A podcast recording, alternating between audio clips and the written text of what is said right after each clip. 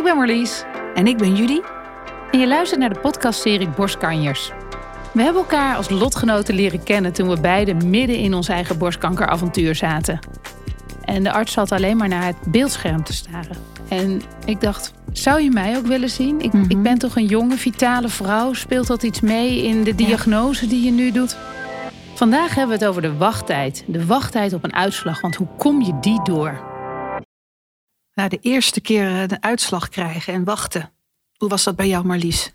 Nou, als je het hebt over ehm, borstkanker, dan hebben mensen wel een beeld bij het ziek zijn, eh, de chemo, eh, de marathon die je door moet, eh, want je bent er echt wel anderhalf jaar uit. het is heel ingrijpend. Maar persoonlijk vond ik de wachttijd, het wachten op een uitslag, verreweg het meest heftig. Mm Rillerig gewoon. Ja. Ja het is een ontzettend, ontzettend naar gevoel iedereen om je heen leeft wel mee met die uitslag. Want ik wist ook op de dag dat ik dan die PET-scan zou krijgen. Toen kreeg ik ochtends kreeg ik allemaal appjes binnen van... we hadden een hele grote groep van fijne buren, maar ook van vrienden. Iedereen had een kaarsje aangestoken. een kaarsje op de tafel, op de vensterbank. Iedereen zat helemaal mee in die, in die spanning van dat ik daarin zou gaan. Zo en, hard verwarmend. Absoluut. Maar je voelt ook meteen na die uitslag, deze mensen zitten te wachten. En het, ik weet nog dat toen wij het goede nieuws hadden gehad dat er geen uitzaaiingen waren, zijn Bart en ik echt spontaan op het terras gaan zitten, hebben champagne besteld. En zaten we zo in onze eigen wereld, totdat we later op de avond berichtjes kregen van: uh, Weet je al iets? Oh, dan dat we ons schuldig voelden. We hebben anderen nog niet ja, geïnformeerd. Nog, ja. Ik merk nu ook, nu we het samen weer over dit onderwerp hebben, dat ik helemaal zit te rillen weer ervan. Ook Echt, al hebben dan, eh, ben je bij een psycholoog geweest of dat EMDR. Dat is zich ergens in je lichaam gaat dat nestelen, dat gevoel. En dat tijdens de hele behandeling van borstkanker, ik weet dat Jitse, mijn vriend, dat ook nadrukkelijk zei: Oké, okay, Judy, er gaan nog heel veel spannende momenten komen, momenten van uitslagen. Steeds na elk stukje van een behandeling wat is er afgerond, komt er weer een uitslag. Nu natuurlijk ook nog steeds, nu je onder controle staat. Ja. Dat, dat gaat maar gewoon door. Wat doe jij om die, het wachten op die uitslag te verzachten? Ja, er, er, er, is niet eens één hele gouden tip. Nee, maar wat werkt voor jou? Ja, wat voor mij. Ik, ik heb wel gemerkt dat het, uh, het, het wachten heeft een aantal fases. Het begint op het moment dat je gebeld wordt of iets dat er een afspraak wordt ingepland, hè, omdat je een MRI krijgt of een, een foto en dan daar zit natuurlijk een uitslag aan vast. Ja. Nou, dan word ik al rusteloos. Van gadverdamme, er zit weer iets in mijn hoofd nu te vroeten. Er, staat wat in die agenda, er komt wat aan. Nou, dan op een gegeven moment dan word ik kribbiger tegen mijn kinderen en tegen mijn vriend. Een kort lontje. Kan niet zoveel met andere dingen bezig zijn. Ik ben echt daarmee bezig van, oh ja, dit moet gaan gebeuren. En op het moment dat het echt dichterbij komt, dan word ik wel rustiger. En dan komt er inderdaad weer een soort overgave van, oké, nou goed, dit moet nu gebeuren en laat het dan ook maar gebeurd zijn. Ik heb één keer tijdens mijn allereerste grote uh, check negen dagen moeten wachten op een uitslag. Niet te doen. Dat is niet te doen. Dat is echt niet te doen. Was dat voor jou voor de uitslag van de operatie? Of? Nee, toen uh, zeg maar de hele behandeling klaar was en je wordt losgelaten en dan wordt er een eerste afspraak gepland, werd er bij mij gepland voor een MRI. He, gewoon na een half jaar een eerste mm. check. En daar heb ik toen negen dagen op moeten wachten. Dat heb ik, en gelukkig was dat allemaal in orde. Of er was weer ontlading. Ik heb dat ook wel teruggegeven aan die uh, chirurg. En toen zei ze, oh, zij schrok daar zelf eigenlijk van. Van, oh, ik wist niet dat je zo in spanning zou zitten. Volgende keer gaan we dat anders doen. Ergens goed nieuws dat zij niet bewust zijn van het feit dat jij zoveel spanning hebt. Want dan liggen zij waarschijnlijk niet van jou wakker. Nee. Maar, maar heel goed om het zelf aan te ja. Um, voor mij is dat ook. De, de controles die ik heb gehad nu, uh, dat ik echt vraag van wat is de snelste tijd dat je het terug kan geven? En vaak is dat na twee dagen of soms na drie dagen. Zo had ik de laatste keer ook een afspraak. Toen zei ze, nou, we bellen, ik had op maandag de MRI, we bellen je op woensdag, maar er is een kans dat je de uitslag nog niet hebt. Mhm. Dat we hem nog niet hebben. Dan wordt het een dag later. Maar door het uit te spreken, merk ik wel dat ze erna handelen en dat ze me proberen te helpen. Ja. Maar die en, want er zijn natuurlijk ook verschillen van, is het een live afspraak? Nou, ik merk dat ik tegenwoordig uh, liever telefonisch de uitslag hoor. Ja. Uh, want naar dat ziekenhuis teruggaan roept ook mhm. wel weer spanning bij me op. Zeker, ja. Ehm, maar zo gebeld worden en dan de hele dag als een paria met mijn telefoon rondlopen. Ja. ja. dat is ook gewoon niet te doen. En al die blikken en woorden, dan, dan oh. oké, eh, hoe kijkt ze nu naar mij? Hoe haalt ze me op? Uh, degene die dan een foto heeft gemaakt, uh, kan jij al iets zien? Of, ik denk dat ik dat serieus het meest vermoeiende vind oh, van mijn hele borstkankertraject. Het scannen van de signalen van de persoon die tegenover me zit. Ja. Echt. Ja. De, de ogen, maar ook de woordkeuze. Ik weet nog dat toen de chemo is bij mij niet maximaal aangeslagen. Dus daarna moest ik nog een pillentraject van KPC te binnen. Ja. Ehm, en die ehm, internist tegenover me zei... Ehm, ja, de, de, de, chemo is uh, matig aangeslagen. Ik denk, matig, matig. Ja. Uh, hij was toch bijna helemaal weg. Ik zeg, mijn tumor was toch ook heel klein? Ja, ja dat is gunstig. Hmm. Gunstig. Ja, wat betekent gunstig? In artsentermen. Ja. Hetzelfde als dat mensen zeggen van ik ben schoonverklaard. Ja, schoonverklaard. En mijn artsen zeiden, wij zullen nooit iemand zeggen dat ze zijn schoonverklaard. Mm. De chemo heeft optimaal of matig effect gehad. Ja. De prognose ziet er gunstig of goed uit. Maar dat, het verschil tussen gunstig en goed vind ik ook alweer. Dus ik interpreteer alles wat ze zeggen. Ja. Maar dat, ze zeiden, wij zullen nooit zeggen dat iemand schoon is, dat zijn Facebook-termen. Dat mm. zeggen mensen over zichzelf. Maar dat is niet iets wat een arts zegt. Nee. Vond ik ook wel weer verhelderend. Ja. Maar ik scan elke blik, elk woord. Ja, ja dat, dat herken ik enorm. Alles, alles neem je in je op. Maar, het voelt uh, zo, wat ik het meest eigenlijk de hel van het wachten vind, mhm. is, um, het zegt waarschijnlijk ook alles over mij, maar misschien herkent iedereen dat. Um, of het nou telefonisch is of live, het voelt als een soort van dodemanstocht. Mm Het moment dat ik in die scan ben geweest, ja dan weet ik dat er iemand bezig is met het kijken naar hoe de binnenkant van mijn lijf gesteld is. Ja. En daar een uitspraak over gaan doen. Compleet machteloos, vogelvrij, kwetsbaar. Alsof zij, een, ja, dat is ook letterlijk, een vonnis over mij uit gaan spreken. Ja. Mag ik doorleven, ja of nee? Ja, ja. ja en in de, heb jij dat ook niet? Dat... Ja, en uh, nu ik ook denk, uh, het verschilt ook echt wel per per arts. Ik, had, uh, ik was op een gegeven moment ook overgestapt, of voor een deel naar het Antonie van Leeuwenhoek in, in uh, Amsterdam. En toen was het ook nog tijdens coronatijd. En uh, zo ook nog dat mondkapje op. En ik, ik, ging daar ook, ik, kreeg, ik kreeg toen een uitslag van een second opinion. En ik ging daar ook zitten. Nou, ik was helemaal bibberend. En hij zag het. Hij haalde, zijn, haalde zijn mondkapje weg. En hij zei: Haal jij je mondkapje ook eens weg? Laat me jouw bange ogen eens even zien. Hmm. En nou, dan, dan voel ik me gewoon gezien en gerustgesteld en uh, of eh, prettig. En hij ziet mij gewoon mondkapje weg.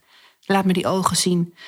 Zo'n mondkapje had zoveel invloed op die mimiek. Dat, uh, Wat mooi dat hij dat ja, deed. was echt prachtig. Ja. Wauw, kippenvel. Ja. ja. Want ik heb een tegenovergestelde ervaring dat ik uh, voor de tweede keer in het ziekenhuis, als ik wist dat ik borstkanker had en uh, ik was aan het wachten op uh, de uitslag van zijn er uitzaaiing of niet. En de arts zat alleen maar naar het beeldscherm te staren. Mm -hmm. En ik dacht, zou je mij ook willen zien? Ik, mm -hmm. ik, ben toch een jonge, vitale vrouw. Speelt dat iets mee in de diagnose ja. die je nu doet? Ja. Er was ook niet eens aan mijn borst gevoeld. Nee. Er waren foto's gemaakt, er was een biopt genomen, maar daar had niemand gevoeld. Nee. Dat voelde heel gek van, gaat dit wel over mij? Ja. Maar wat prachtig dat die arts zo jou ziet. Ja, nou, de, de, dat is wel een behoefte die ik heb. Dat ja. dat, ja, misschien zijn artsen er ook niet altijd van bewust. Wat jij, wat jij net ook al zei, dat dat wachten of die uitslag, dat geeft onbewust of geeft dat iets heel traumatisch. Ja. Bij mij ook dan bij die psycholoog. Toen kwam er ook zo'n moment naar boven dat dan die foto werd gemaakt voor de allereerste keer. En die verpleegkundige die dat dan deed, die zei eigenlijk helemaal niets. En ik, mm. ik had al door, het is niet goed. Dus ik, ik, ik, klampte me aan haar een soort vast van, zie je wat? Of wat het is niet je? goed, hè? Ja. Of, zij bleef helemaal stil, ze zei helemaal niks. Mm. En tijdens die psychologische hulp kwam ik daar ook achter dat ik daar heel boos om word. Van verdorie, ik sta hier, hè? Ik ben, ik ben gewoon een vrouw, een mens. Ik, ik vraag jou uh, ik, ik, vraag iets. Ze kan ja. natuurlijk niet al zeggen van ja, ik zie wat, maar zeg iets of ja. zo. Ik ben hier, er staat iemand. Het moet ook dat heel gaf, moeilijk dat, voor haar zijn. Ja, hè? natuurlijk. Ja. Maar dat, dat, dat soort dingetjes geven, dat, dat sleep je wel mee. Of ook altijd op het moment dat je weggaat in het ziekenhuis, dat er wordt gezegd, nou het beste hè. Ja. Dan denk ik, oh ja, dat is zo'n uitdrukking waar heel veel over nagedacht is. We zeggen niet tot ziens, we zeggen, nou het beste hè. Ja, ja, ja. Maar we hadden het net over die fases van, uh, van wachten. Um, ik zie daar bij mezelf, jij zei ook van op het moment dat de uit, of de, de, het onderzoek gepland staat, ervaar ik ook heel veel onrust. En als het onderzoek dan geweest is, Ehm, meestal is het dan wel twee, drie dagen wachten. De eerste dag plan ik vol met werk. Ja. Gewoon zorgen dat er afleiding is, afspraken met andere mensen, dat ik er niet te veel over hoef te denken. Ja. En op een of andere manier zie ik nu een patroon bij mezelf. Dat de avond voor de uitslag mhm. tik ik een soort van dieptepunt aan. Ja. Dan ben ik, heb ik de kribbigheid al gehad in mijn gezin. Maar een soort van volle overgave. Ja. Dan wordt het heel stil in mezelf. En we hebben een piano staan. Nou, die raak ik echt niet bijster vaak aan. Maar dan ga ik opeens piano spelen. Ja. Of ik ga tekenen. En dan ontstaat er een soort van ruimte. Van creativiteit. Van nou, misschien ook wel overgave. Ja. En gek genoeg slaap ik dan die nacht eigenlijk best wel prima. Zo van ja, weet je, it's out of my hands. Kom maar op. En het geeft rust. Ja. De dag dat ze gaan bellen daarentegen is het een flippenkast in mijn hoofd. Dan ben ik, ben ik zo'n soort gedistanceerd van mijn eigen lijf. Want dan kan ik het eigenlijk niet aan om het te horen. Totdat een, een vrolijke ja, verpleegster belt met een goede uitslag. Maar ik denk dat er voor iedereen wel zo een manier is om te ontdekken van hoe krijg ik mezelf rustig. Ja. En er wordt makkelijk gezegd, ga maar mediteren. Nou, Het is mij gewoon nog niet gelukt om me daaraan over te kunnen geven. Maar wandelen in de natuur, uh, piano spelen, creatief zijn. Ja. Er ontstaat een leegte op een bepaald moment dat het eigenlijk gewoon er mag zijn. Ja. Ja, en ook hierin kunnen uh, ziekenhuizen ook weer met je meedenken. Ik wist dan uh, dat ik een uh, week naar Oerol zal gaan, een festival mm. op de Schelling met vriendinnen. En dat ik dan vlak daarvoor een MRI zou moeten krijgen. En dan dat duurt even voor die uitslag. Dus toen heb ik ook gebeld van mag ik het gewoon twee weken daarvoor? Want ik dacht als het goed is, nou dan, dan kan ik echt wat genieten daar op de, wat te vieren op de Schelling. Echt van genieten. Liever dat dan dat ik denk, oh maar volgende week moet ik. Dus ook natuurlijk weer voor iedereen anders.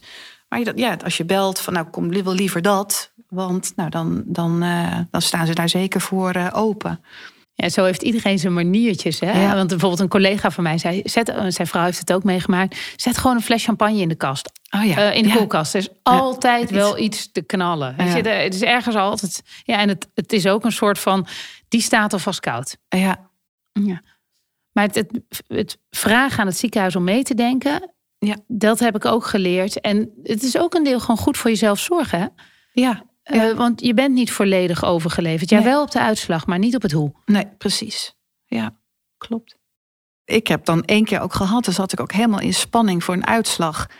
En uh, nou, dan belde ik jou op. Marlies, ja. ik trek het niet meer. Oh, wat moet ik doen? Ja. En jij snapt mij als geen ander. En wij zitten ook wel mooi tegenover elkaar in het jaar in onze controles. Ja. Hè? Ik heb ze in het najaar, jij ze in het voorjaar. Ja, en dan uh, praat ik gewoon even met jou. En dan eh, alleen dat al is, is genoeg en dan word je begrepen. En dan een najaar bel jij mij weer op. Of krijg een appje. En dan je voelt elkaar meteen aan. Ja, maar dat is wel. Want bel een lotgenoot. Bel een lotgenoot. In de onwetendheid, in de angst van wat wordt de uitslag, merk ik. Want vrienden zeggen heel vaak: het komt wel goed. Ja. En natuurlijk, we willen allemaal dat het goed komt. En dat is ook het makkelijkste om te zeggen. Maar in alle eerlijkheid, niemand weet of het goed komt. En ik merkte ook naarmate het traject verder vorderde dat mijn omgeving ook minder snel ging zeggen: het komt goed. Ja. En in het begin vond ik het heel fijn als ze zeiden van het komt goed, want ergens putte ik er energie uit dat zij er geloof in hadden. Ja. Maar aan de andere kant vond ik het eigenlijk heel fijn dat ze op een gegeven moment niet zeiden het komt goed, maar dat ze gewoon heel eerlijk zeiden: ik duim voor je. Ja. Nou, en op dat moment vind ik het dan zo fijn als ik jou kan bellen. Of een andere lotgenoot uh, kan bellen. Of ik er kan zijn voor andere lotgenoten. Want jullie, ja, jij weet gewoon als geen ander wat ik dan doormaak. Ja. En dan maak jij me kalm. En dan zeg je, weet nog dat de arts toen zei van... het ziet er echt goed uit. Uh, we hebben er vertrouwen in dat het goed komt. Om elkaar weer terug naar het vertrouwen te brengen. Ja, en dat heb ik, dat heb ik met jou. Ja, en daarom zitten Lieve we hier. lotgenoot. Lieve lotgenoot. Dank je wel voor het luisteren. En hopelijk helpt het jou als jij een keer een wachttijd door moet komen. Of je hebt een inkijkje gekregen in hoe het is voor borstkankerpatiënten als ze moeten wachten op een belangrijke uitslag. En luister ook naar onze andere afleveringen in je favoriete podcast-app en laat een review achter, want dan wordt de podcast beter gevonden door andere luisteraars. Borstkanjers is een initiatief van Marlies Toussaint, Judy van der Linden en podcastbureau As We Speak.